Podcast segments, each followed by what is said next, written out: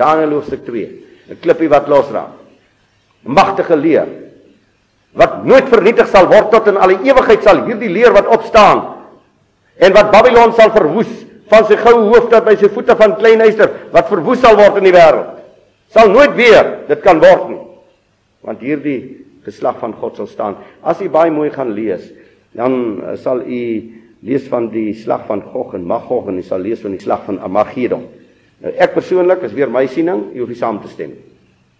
Die Gog en die Magog oorlog lê voor. Die Armageddon oorlog sien ek heel op die end. Jy sal sien dat op 'n stadium sal die Israeliet intree in die geveg en as Joshua regeer, sal die Israeliet nie weer oorlog hoef te voer nie want Joshua sal self op sy wit perd met sy engele al sy vyande uitwis in die skepping. So hierdie dinge lê mos vreeslik pragtig en duidelik in die skrif vir ons geskrywe. So hierdie binding van die Satan is sodat sy volk met 'n eysterscepter sal regeer. Daar sal nie 'n valse profeet wees nie en daar sal nie meer 'n dier wees nie want hy sal reeds vernietig wees. En Jesua sal op die troon sit.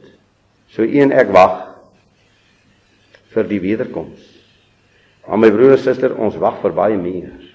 Ons kan nie vir die wederkoms bid sonder dat ons nie sal besef dat die verskriklike geweld en toorn van die Almagtige oor hierdie aarde sal kom nie. Maar die wonder is dat midde die verskrikking wat oor die aarde gaan kom, wanneer die son gaan verduister, wanneer die sterre van die hemel gaan val, wanneer die aarde gaan geskit word soos die, wat die skrif sê dit sal wees soos die afval van vrugte in die nasomer. As jy meer vashou wanneer die aarde geskit gaan word. Midde dit alles gaan die lewende God syne bewaar. Dis 'n geweldige ding wanneer die sondvloed oor oor daardie gebied kom en al alle Israeliete, alle alle geslagte van Adam uitgewis word. En net Noag en sy gesin oorbly. Omdat hy die enigste bloedsuiwere was nog in die geslagte oorbly. So lyk die end van die pad vir u en vir my vanmôre. 'n Klein seentjie sal die getal op die einde van die dae kan opskryf, sê die woord.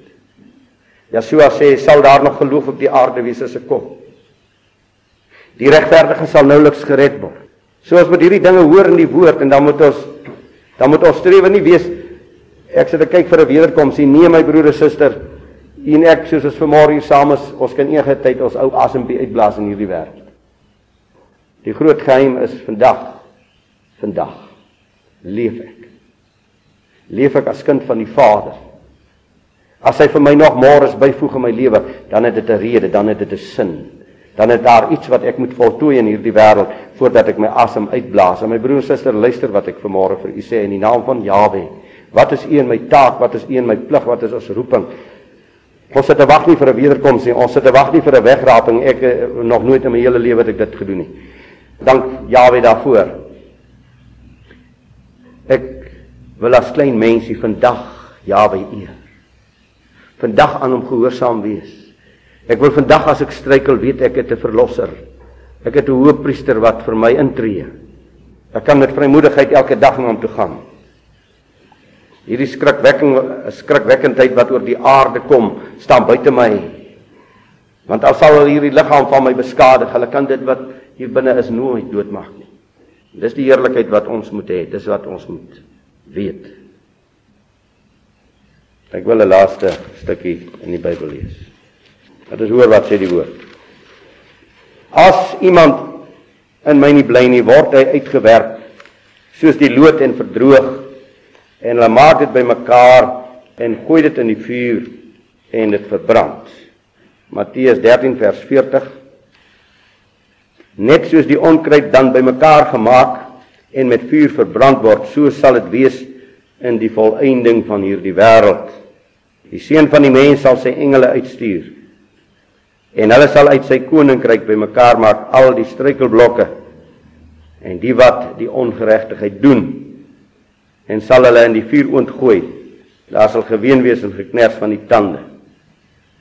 Matteus 24 vers 29 En dadelik na die verdrukking van daardie dae sal die son verduister word. En die maan sal sy glans nie gee nie en die sterre sal van die hemel val. en die kragte van die hemele sal geskit word. En dan sal die teken van die seun van die mens in die hemel verskyn. En dan sal die stam al die stamme van die aarde rou bedryf. En die seun van die mens sien kom op die wolke van die hemel met groot krag en heerlikheid. En hy sal sy engele uitstuur met harde trompetgeluid en hulle sal sy uitverkorenes versamel uit die vier windstreke van die een einde van die hemel af tot aan die ander einde daarvan. Wat hoor u in die teksverse wat ek nou gelees het? Dit is die onregverdiges en die onheiliges wat versamel sal word deur die engele vir die vuur vir die oordeel en die ander die uitverkorenes die engel sal uitgaan en die uitverkorenes van Jawe bymekaar maak. En daarom sê ek mos wanneer sy wederkoms verskyn geliefdes wanneer hy verskyn sal ons voorbereid wees as ons syne is. Anders sal ons nie voorbereid wees as ons nie syne is. Dis logies, dis helder. Die goddelike orde en die goddelike dissipline en die goddelike korrekthede is daar. Daar sal geen wanorde wees in sy wederkoms nie. Daar sal geen snaakse dinge wees in sy handelinge nie. Dit sal helder en duidelik en verstaanbaar wees vir die wat hy verstand gegee het om hom te ken. Ek vertrou vanmôre dat mense die skrif sal ondersoek. Dat hulle op hom sal agter allerlei goeders aanloop. Dat hulle sal hoor wat is die orde van God en dat ek dit baie nederig vanmôre vir u uitspel. Jy sien die tragedie is dat almal wil leraars wees. Ek wil nie een wees nie. Maar as jy 'n geroepe leraar van God is, sal God jou leer. Hy sal aan jou openbaar Dis die taak en die plig en die verantwoordelikheid van die gemeente om tot Jawe te bid dat hy 'n waarheidsleraar sal stuur. En as hy 'n waarheidsleraar stuur, dat hy waarlik die woord sal hoor van God af. Sodat hy dit vir die gemeente kan gee. Dis die orde van God. Dis die dissipline van God. Ek verstaan waarom verskriklike rekenskap vir die wat dan aangestel is en geroep is op 'n pad. Verskriklike groot verantwoordelikheid. My broer en suster, hoor die woord. Dien God, Jahwe, met u hele hart, siel en verstand. Dien hom. Sy trou is waaragtig. Laat ook u en my trou aan hom waaragtig word. En as ons soms uit swakheid struikel, laat ons nie mekaar veroordeel en mekaar vertrap en vernietig in ons sonde gevalle nie. Maar laat ons weet ons het 'n ons het 'n hoë priester. Hy's getrou ook in sy hoëpriesterskap en sy ewige vergifnis oor ons lewe dag na dag. En sodat ons met blydskap en met oortuiging en met vastigheid en standvastigheid sy pad in hierdie land sal loop. Dat ons nuttig sal wees. Dat ons bruikbaar sal wees. Dat ons sigbaar sal wees as uit hom. Vader, baie dankie Wat is die mense kind dat u hom besoek met al u heil, met al u grootheid, met al u genade? Wat is die mense kind dat u vir ons liefhet ondanks wat ons is? Dat u nie moeg word op die pad met ons nie. Wil u deur die dierbaarheid van u Heilige Gees tog vir ons steeds onderrig en leer en klein maak en buig en stil maak sodat die haleluja wat uit ons hart en mond kom groot sal wees.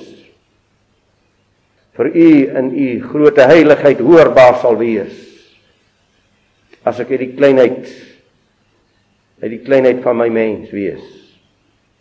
Uit die nietigheid sê dankie Vader dankie vir u woord en waarheid. Dankie vir u heiligheid en teenwoordigheid. Dankie dat u liefhet. Verheerlik u self in die Yeshua naam. Amen.